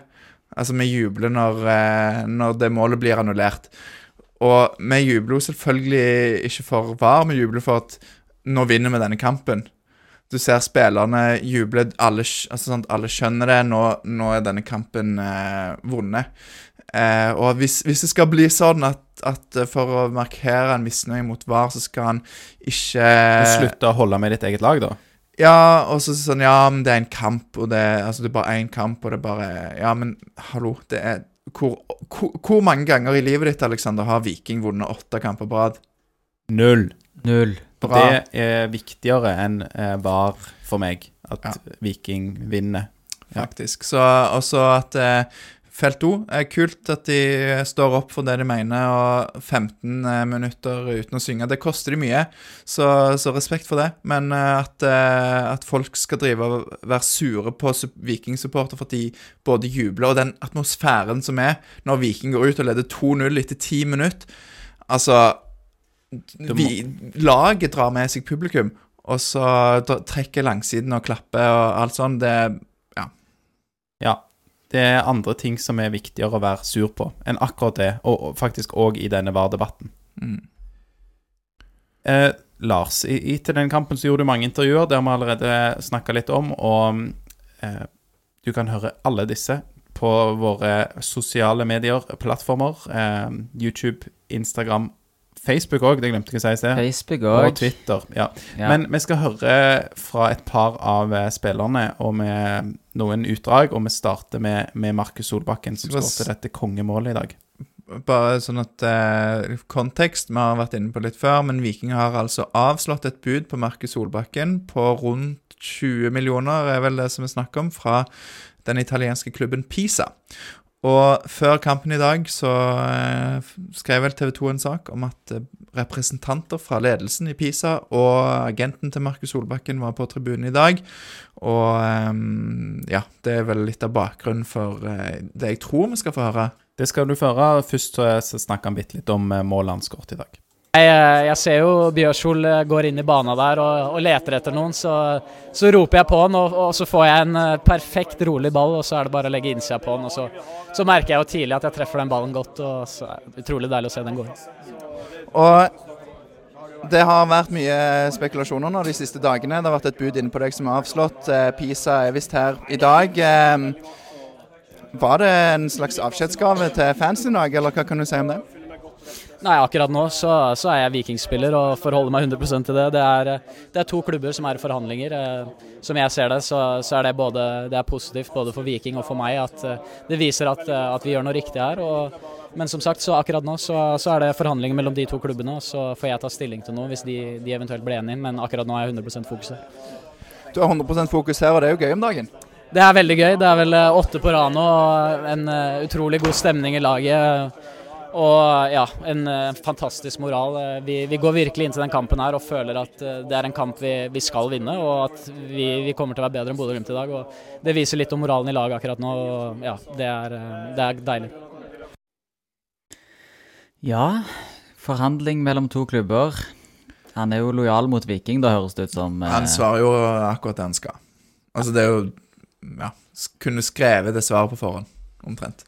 Men det, det, det er jo en fellesnevner her. Det skeive tårnet i Jotto og det skeive tårnet i Pisa. Ja, det er sant. Ja, det har jeg ikke tenkt. Jeg skjønner ikke hva han skal til Pisa for, jeg. Er ikke har- det godt nok, det i Jotto, ja, da? det flotte betongtårnet vi har i Jotto, Morgen. Ja, nei, men eh, spennende eh, å se hva som skjer. Eh, Jeg håper jo selvfølgelig at Viking casher inn veldig mye hvis de velger å selge Solbakken, og er jo greit forspent, mener jeg, på den posisjonen med Janni, som er har helt andre kvaliteter, og som løser de oppgavene, syns jeg, på en eh, vel så god måte som eh, Markus Solbakken. Ja, Janni og Birker og Jasbekk kan spille den posisjonen. Vi vil jo ha Jasbekk som indreløper, da. Come on, guys. Og, og kan, ja, det er sant. Jaspek Jasbekk eh, funker veldig bra som, eh, som indreløper. Ah, Er han prøvd i ankerrollen, ikke i tellende kamp? Ikke i Viking, tror jeg i hvert fall, men han har spilt der eh, Han spilte vel der Ja. for Sydney, tror jeg. Så kan det jo være òg med, med stopperne vi har nå i Viking, og selv om Brekalo skulle forsvinne, at eh, Stensnes eh, kan være aktuell for en sånn rolle i 2024. Det vet man jo ikke. Ja, eller høsten 2023. But there is also another guy from down under, and his name is Joe Bell. Hadde det vært gøy å få han tilbake til Viking, eller Er man fra Down Under hvis man er fra New Zealand? er man ikke det? Er det bare det i Australia? Jeg er ikke helt sikker. Det er vel i hvert fall eh, sånn motsatt side av jordkloden. Det er riktig. Det, tror det det. Ja. Ja. Ja. Men, men eh, ja, det Joe Bell, da. Ja. Altså, selvfølgelig. Eh, hvis vi får eh, Joe Bell som eh, leverer som han gjorde når han var her sist, så, så er det kanskje ikke en, akkurat en, en nei svekkelse. Men, men er det bare løse rykter du drar opp av hatten her, Torjer? Eh, hva svarer jeg på det? Skal jeg si mer? Ja, si, for du vet mest, Lars. Jeg fikk bare høre. Jeg, det var en fugl som hvisket meg noe i øret før vi gikk på luften her, Alex. Ja. Og den fuglen heter Lars. Det, Oh, ja, okay. Så nå kan Lars ta det videre. Tørre pleier ofte å kalle meg fugl, jeg har aldri helt skjønt uh, det. Men uh, nei, det er altså Det var jo snakk om dette allerede i fjor vinter, at det var aktuelt kanskje med et lån, men da var det ikke aktuelt for, eh, for Joe. Nå har han fortsatt ikke fått eh, en veldig mye større rolle i Brønnby. Han var på benken i dag. Jeg tror ikke han kom inn, og eh, det har vært eh, snakk om at at de skal selge han. MLS-klubber har vært interessert. Jeg vet ikke om det har materialisert seg. Ehm, og Eirik Bjørne sa òg i podkasten til Aftenbladet, Studio A, at eh, de hadde sjekka For han var, på, han var ikke med i tropp. Så de hadde da sjekka situasjonen der. Så, så Viking følger med, og jeg tror ikke at det er utelukka at vi kanskje kan se han igjen hvis Altså, det er jo mye hvis om og men, men eh, Kan Viking ham, hamle opp økonomisk med disse MLS-klubbene, da? Det er jo det. da, Nå er jo Pisa her i, eh, i, i, i Stavanger for å forhandle med Viking, og, og som Nevland sa i direktesendingen med Aftenbladet, det, altså det, de har jo veldig lyst på han. Eh, Solbakken, ja. ja, så at de da vil legge en del penger på bordet for, eh, for Solbakken, vil jo da både fri Solbakken sin lønn og pengene. Klart, MLS, det er jo penger, så du kan ikke hamle opp hvis, de, hvis går Altså hvis det handler om penger. Eh, kanskje han vil prøve noe annet, men det ligger jo ikke noe tilbud fra MLS akkurat nå. Nei. Så um, vi får se. Det, det er ikke noe konkret eller noe veldig nært forestående, men, eh, men jeg tror det i hvert fall er relativt stor sjanse for at Solbakken eh, forsvinner til Italia ganske snart. Det får vi som sagt håpe at skjer med Får man håpe at det skjer? Nei, da får man håpe at skjer med en god slump eh, penger Ja, til Viking. slump. Det er i hvert fall sykt at vi snakker om Italia, og ikke snakker om, snakker om Brøndby på ny. Vi er drittlei av å selge til Danmark. Ja. Det er digg at Viking har kommet seg til det stadiet at de kan selge til Italia, Nederland og ting som verre eller bedre, alt ettersom. Virkelig. Så ja. Men Joe Bell, come back to us. Ja, hvis han, eh, han eh, var jo en mye mer effektiv spiller når han var i Viking enn det Solbakken eh, har vært, selv om Solbakken òg har tatt gode steg og blitt en veldig god spiller. Var sikkert en veldig god spiller òg når han kom, men vi ser mer og mer prov på det han har eh, av kvaliteter. Og som sagt òg kult å se han og Jasbekk sammen i dag på midtbanen. Tenk deg hvis Joe Bell kommer, da har du fire fra New Zealand og Australia i Viking.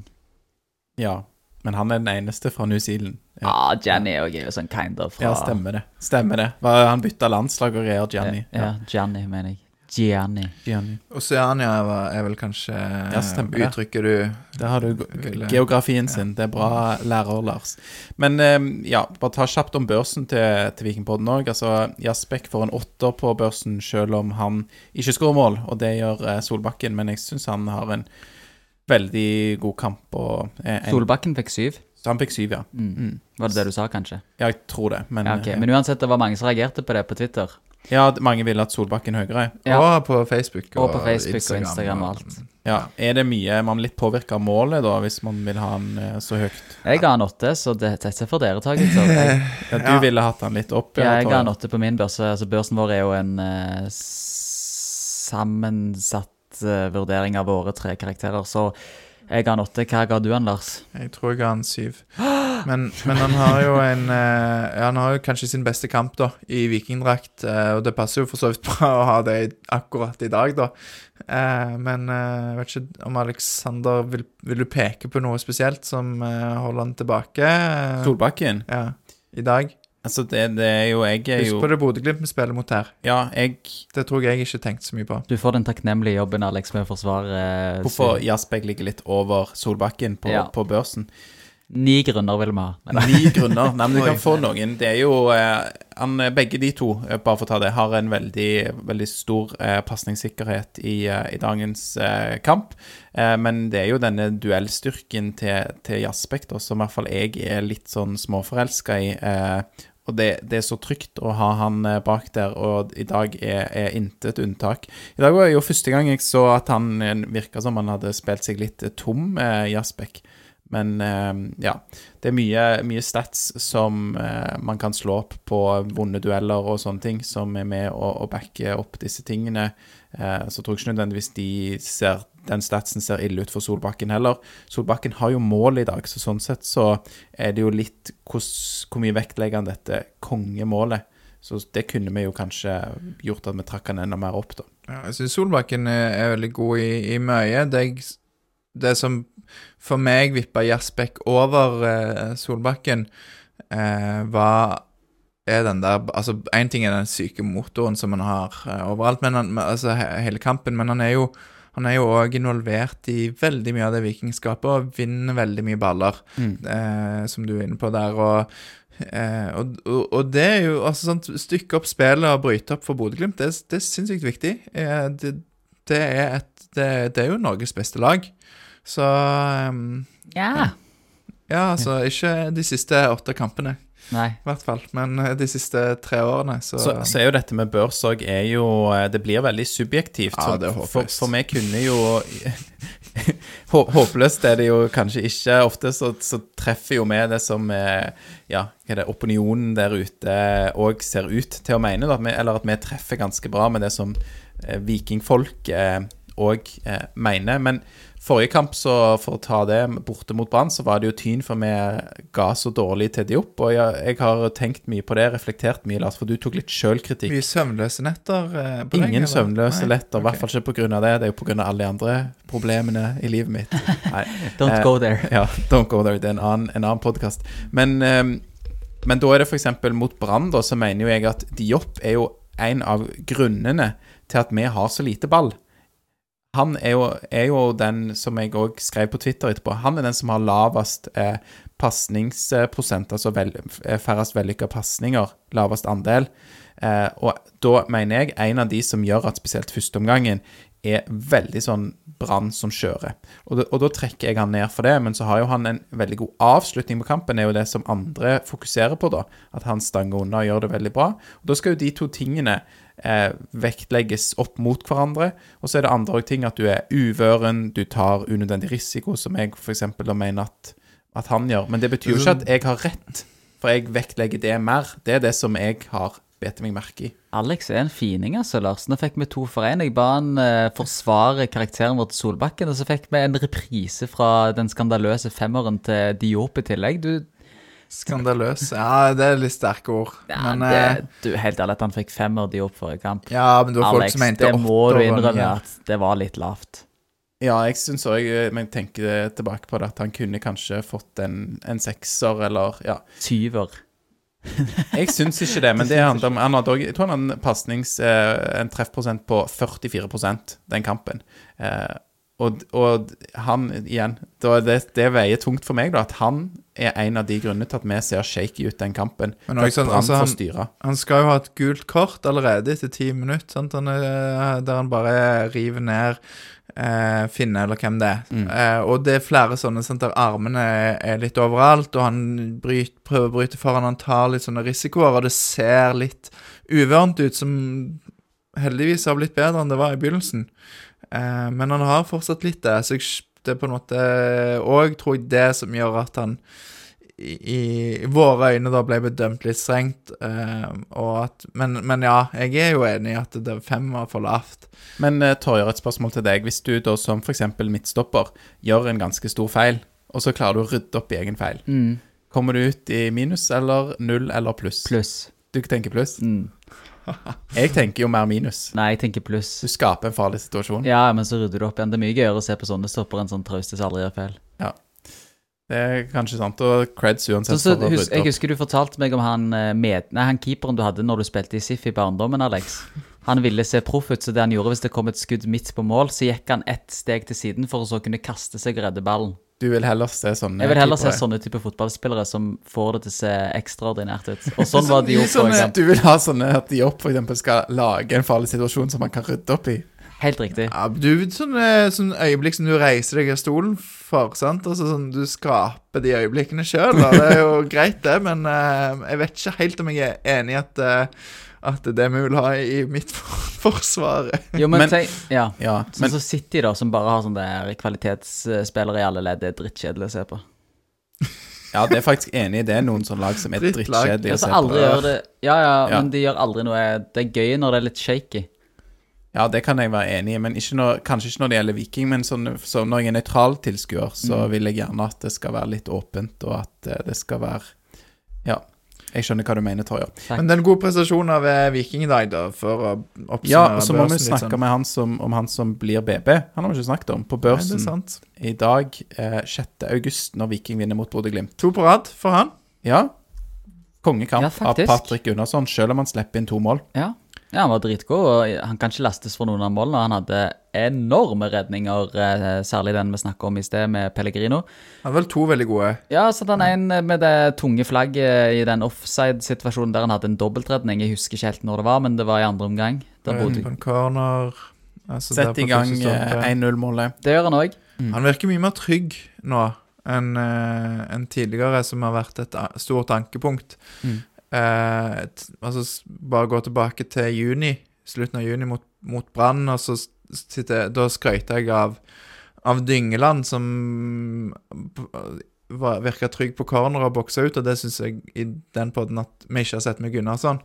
Men nå er det ikke sånn at jeg sitter og er redd for det, for det lenger. Han går ikke på disse bærturene, og han, han gjør ikke sånne dumme feil. Han er solid og både tar det han skal, men òg litt mer. Mm. Så nei, det Det er fint hvis han ikke blir eh, så mye bedre det, denne august, for det er jo kjekt å beholde han ut sesongen òg. Mm. Absolutt. Det, det trenger vi en, en god keeper eh, bak der. Og den pasningsfoten, da. Dæven. Mm. Det er jo noe av det som gjør at eh, jeg begynner å bli litt redd, for, for det er jo veldig attraktivt med keepere som er gode med bein, gode med ballen i beina. Mm. Jeg skal ta en eh, annen ting fra dagens kamp òg, og det er Mange kjenner jo til denne skolebollemannen til Viking. Frivillig eh, Dag Helge Weberg, som har fått en del oppmerksomhet i både lokal- og nasjonalpressen. Og så er dette bare en litt sånn der gledelig nyhet for vår venn Lars, læreren fra Madla, som i mange år har hatt en melkeallergi. Og kan ikke spise skolebollene til Dag Helge. Men i dag kommer Dag Helge opp spesielt til Lars med en melkefri brownie. Det var veldig hyggelig, var det ikke det, Lars? Det var veldig, veldig kjekt. Så eh, jeg må innrømme at jeg har, bare, jeg har tatt den med meg, så jeg skal nyte den i fred og fordragelighet. Ja. Eh, og det gleder jeg meg til. Det blir veldig bra. I morgen så skal vi få Morten og Bjarte på besøk i podkasten, og Lars skal feire det hele med å spise brownie. Foran de. Han går live, han går live på YouTube Oi. i morgen. Yes. Lars Ja. eating a brownie as fast as he can. Hva Oi, klokka nice da. snakker vi da? Snakker vi etterpå, Det kanskje? er etterpå ekstra livesending. Så sånn Bonusmateriale halv på- fire, fire. Ja, på Vikingpodden sin side. Mm. Ja, på YouTube. Lars som spiser brownie. Ja, det var et godt forslag. Eh, jeg eh, Han figurerer for øvrig òg i intervjuet jeg gjør med Sondre eh, Bjørsol, så står han og da eh, vert for Viking, altså medievert og eh, alt mulig mann, eh, Thomas Grane Gundersen og Dag Helge Weberg, står og slenger noen kommentarer til Sondre Bjørsol når han kommer litt seint. Ja, så de bidrar inn. Ja, det er godt. Men da har jeg sagt det jeg vil si om denne kampen mot Bodø-Glimt, og da skal jeg si noen litt andre kule ting som har skjedd eh, 6. august. Jeg dobbeltsjekka det. Det er 6. august 1933 og 2017. Er dere klar? Veldig klar, og Ja. jeg vil at du skal begynne med det som er lengst tilbake i tid. Det, Nå er jeg klar. Det skal jeg gjøre. Nå er du òg klar, Lars. Det skal jeg gjøre. Og nå er det en liten historietime for dere, for spesielt eh, du, Torje, syns jeg er Jeg tror bare jeg skal på do. Nei, nei, du må Nei, sitte i denne historietimen, du som er fra Eiganes og har liksom dette i, i blodet ditt, eh, Torjer. Ja. Fordi vi pleier jo ofte kanskje har oftest tatt kamper som er fra 90- og 2000- og 2010-tallet, vil jeg si, på On This Day. Eh, Noen ganger har vi tatt sånn i fjor òg. Men nå skal vi langt tilbake. Fordi at 6. august 1933 her, Nå er vi så langt 90 år siden. ja, akkurat 90 år siden. Det, da er vi så langt tilbake, Torje, at du heller husker ikke alle liksom, årstallene og hvem som spilte og sånn, uten at. Det er helt sant. Men da i hvert fall var det første runde i cupen. Torje har stålkontroll fra eh, 40-tallet. Ja, eh, 54 der er ganske. Fra 1954 der kan jeg det. Men Ja, da kan du det. kjør, Alex. Første runde i cupen, 6. august 1933. Viking vinner 6-0 mot laget Årstad. Er dette et kjent navn for deg, Torjer? Ja. For jeg eh, er veldig godt kjent i Bergen, og det er et sted i Bergen. Ja. Og hvem er det Jeg tror rett og slett at det er et lag som er ganske kjent, som spiller kampene sine på Årstad. Eller i på Jeg tror det er Brann. Eh, Heter det Årstad? Jeg Jeg, trodde det heter Mindøy. Mindøy, Ja, OK, det får vi Ja, det kan være det et ja. Jeg er ikke helt sikker. Nei. Men uh, jeg tror det er i det hugget der, i hvert fall at Årstad ligger, og det mm, Ja, jeg er litt usikker nå. Men uh, det ligger i hvert fall i Bergen. ja. uh, og Viking vinner da 6-0, første runde i cupen. William Danielsen, han skal vi komme tilbake til, han skårer to mål. Reidar Kvammen, det er kanskje et kjent navn for mange som er glad i Viking, skårer to mål. Og det gjør òg Bernhard, og, Bernhard, også kjent som Benna Lund. Benna Lund. Eh, han eh, ja, har jo òg skrevet vikingsang, tror jeg han har skrevet den eh, Det er Viking, det er Viking som kommer nå. Det kan være jeg tar feil sang der. Men eh, uansett, det er kjente vikingnavn i hvert fall her. Og Viking da vinner første runde i cupen. På samme dag så tror jeg òg for øvrig at Brodd taper 10-0 mot Brann i sin første runde i cupen i 1933.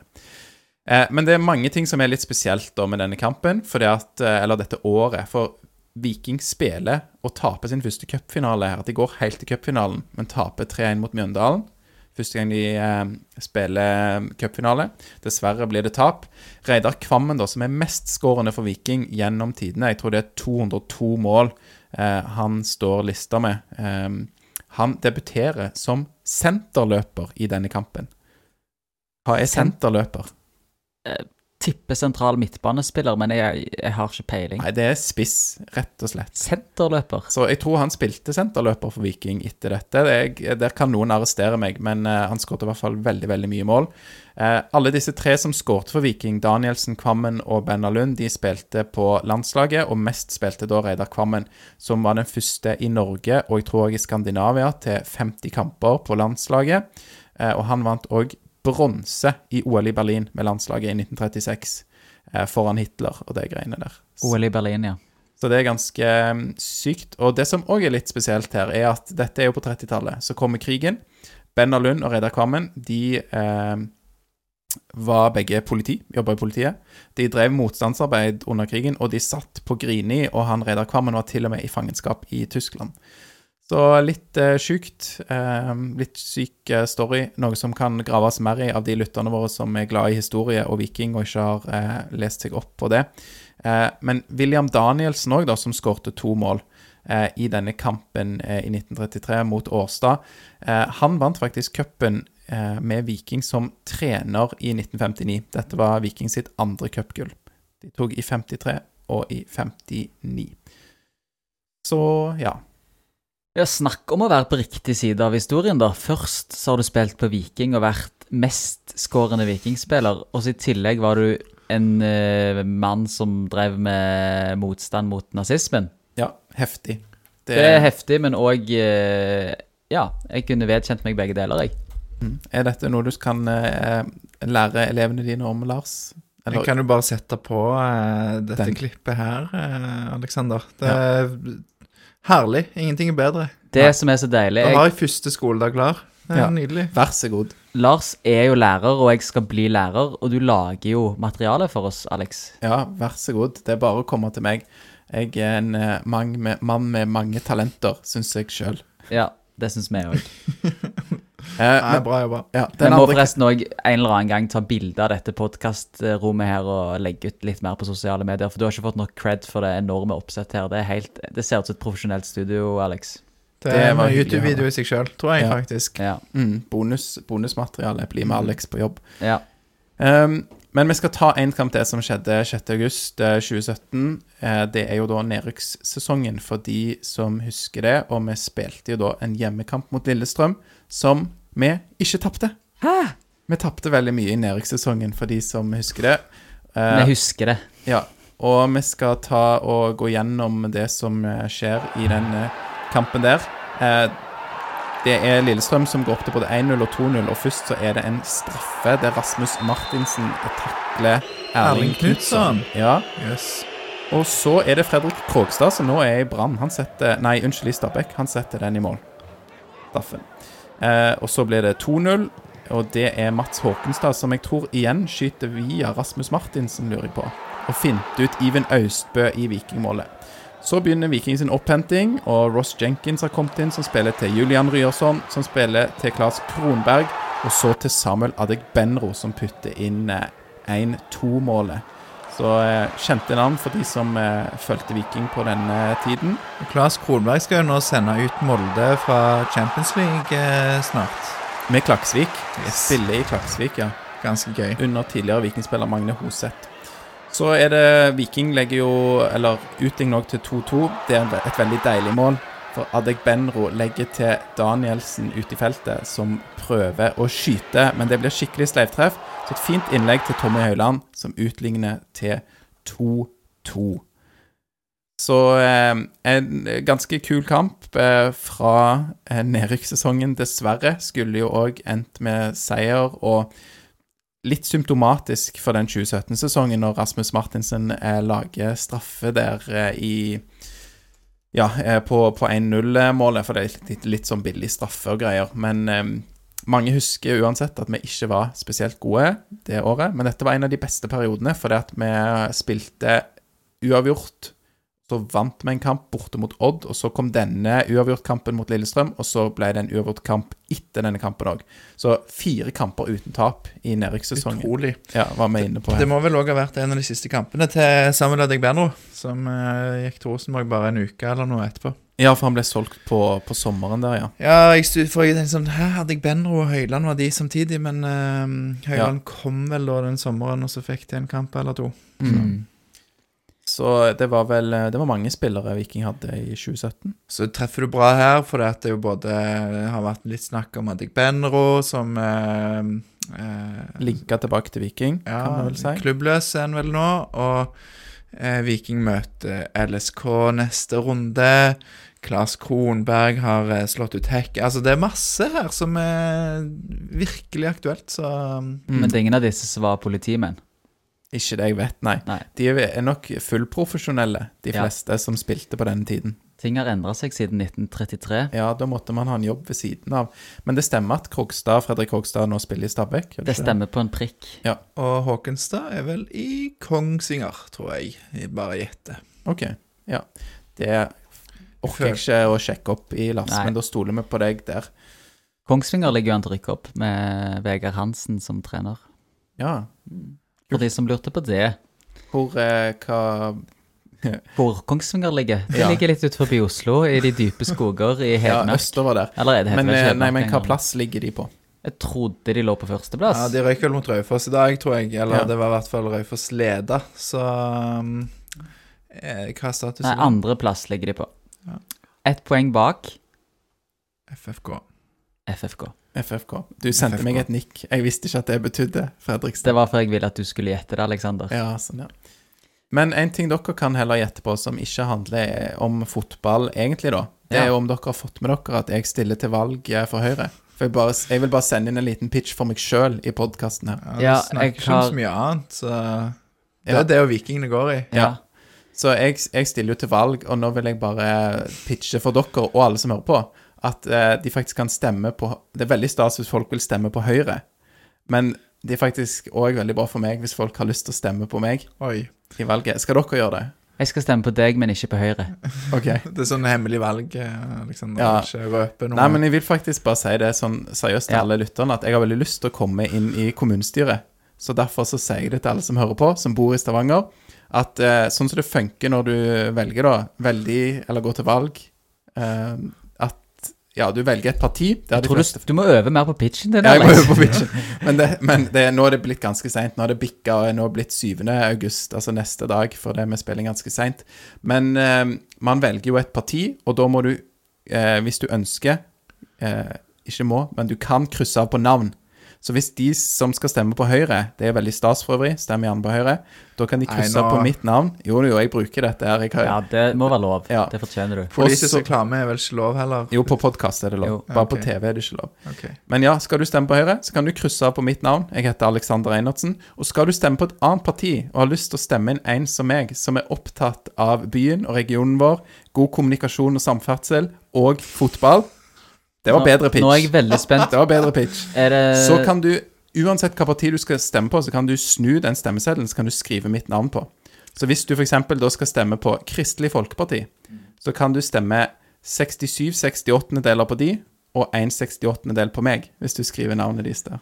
Hva er du mest opptatt av? Samferdsel eller fotball? Jeg bruker nok mest tid på fotball, Ja. men jeg kan ligge våken om nettene pga. den dårlige samferdselen i regionen og landet vårt. Ok. Men eh, blir det da mindre tid til podkast hvis du kommer inn i dette eh, byrådet? Jeg vet ikke om det heter Byregjering. Kommunestyret. tror jeg. Byregjeringen. Ja. Lover, du, lover du highway til Vikingstadion, da? Um, det blir jo kanskje litt bedre, i hvert fall bare de blir ferdig med det der byggearbeidene utenfor. Men det, det skal ikke jeg ta på meg så mye creds for når de blir ferdig med det. Nei. Eh, Var det nok politikk, eller hvordan er det med det? Ja, det var kanskje det. Vi kan eh, heller snakke om de neste episodene eh, som kommer for Vikingpodden, og det er i første omgang allerede i morgen. Morten og Betty er gjester hos oss. Det er sånn tolv timer til det. Ja, det er litt over tolv timer til de kommer hit, så det blir hjemme og sove litt, og så tilbake for meg og Torjer, i hvert fall. Og så eh, må folk få med seg den episoden. Vi slipper den vel kanskje skal vi bare slippe den når vi er ferdige, eller? Nei. Nei? Vente til onsdag? Ja, Ikke til, ja, venstre. Nei, nå blir jeg den upopulære. Jeg vil ikke på luften at jeg sier at vi skal holde den. Ja. Eh, vi, vi ser når vi slipper denne episoden Det er jo òg for å la denne episoden etter den deilige Bodø-Glimt-seieren virke litt. Sånn Ja. at for, vi sprer det bitte litt ut. Eh, veldig kjekt fordi at de får komme òg etter åtte seire på rad. At det òg ble seier mot eh, Bodø-Glimt. Eh, så at noen av spørsmålene som hadde kommet inn på Twitter, de forutsatte at Viking hadde sluppet inn mye mål eller tapt. Ja, det var begge eventuali eventualiteter, så jeg syns det var litt gøy. Ja. Eh, for øvrig så kan en jo sette fingeren på at, eh, at det var noe av det som Viking ikke gjentok i 2022 etter suksessen i 2021, at trenerne kom til Viking på den etter halvspilt sesong.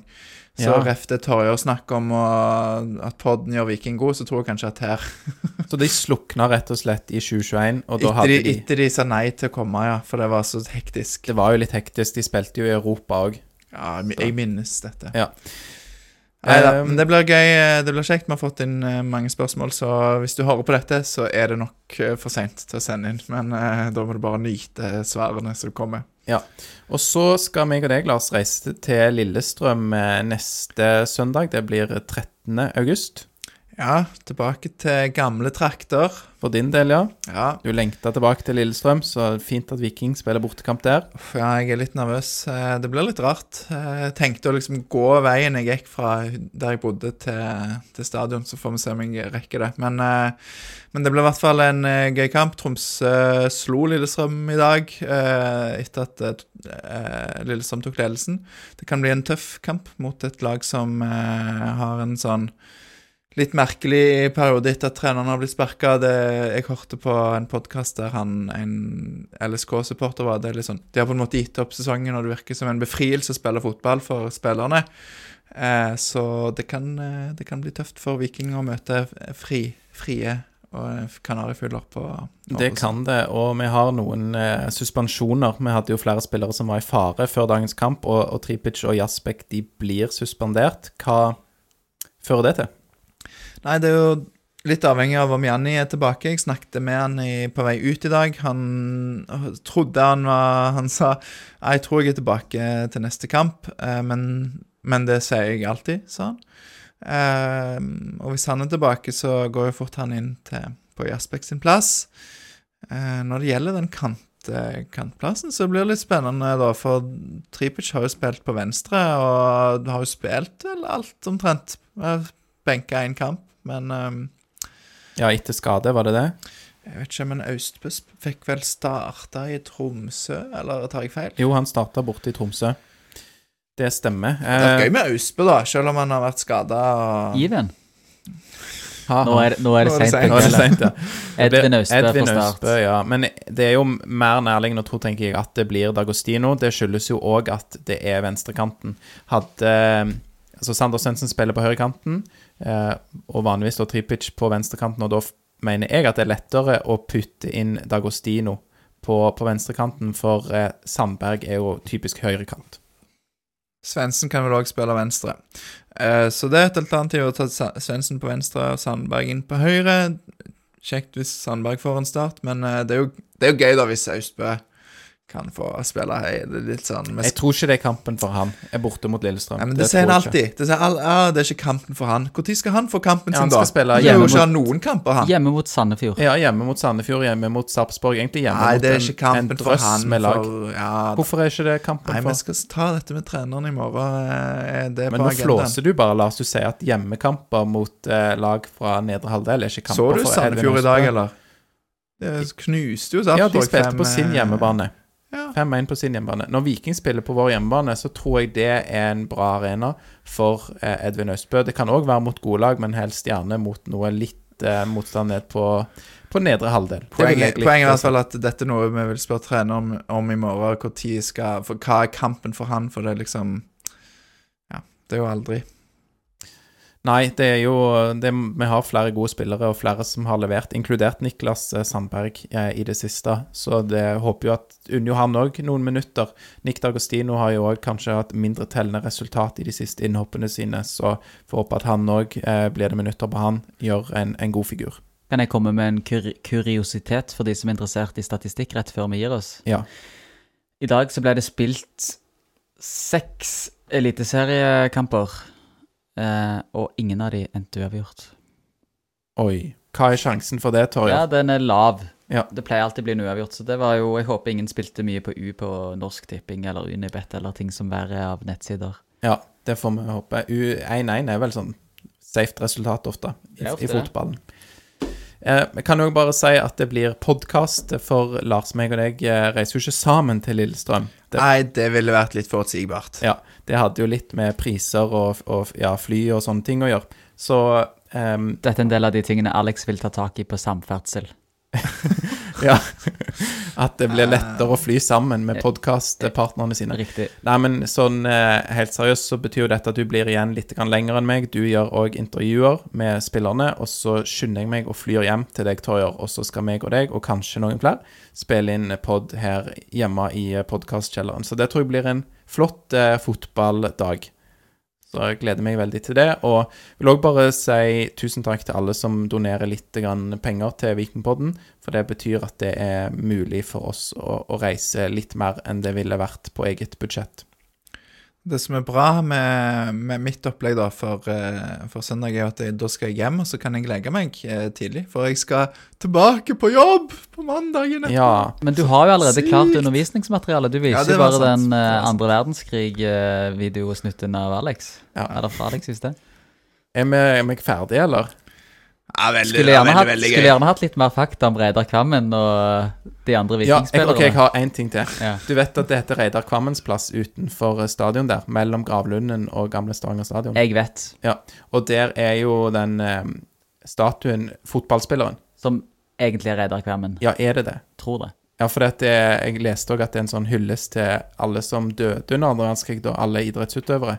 Men Ja. det er nok Jeg har òg tenkt at det er inspirert av han, i hvert fall. Uansett.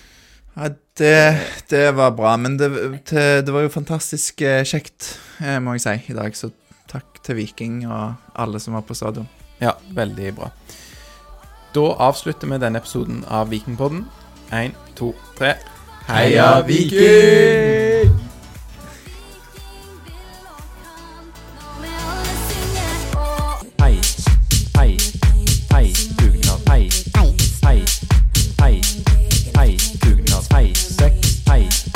hei,